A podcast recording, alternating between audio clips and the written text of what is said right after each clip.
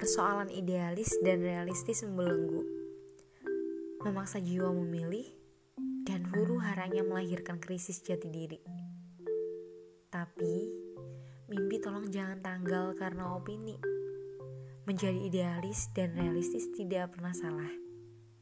Karena nyawa adalah tentang mimpi yang mati-matian diperjuangkan.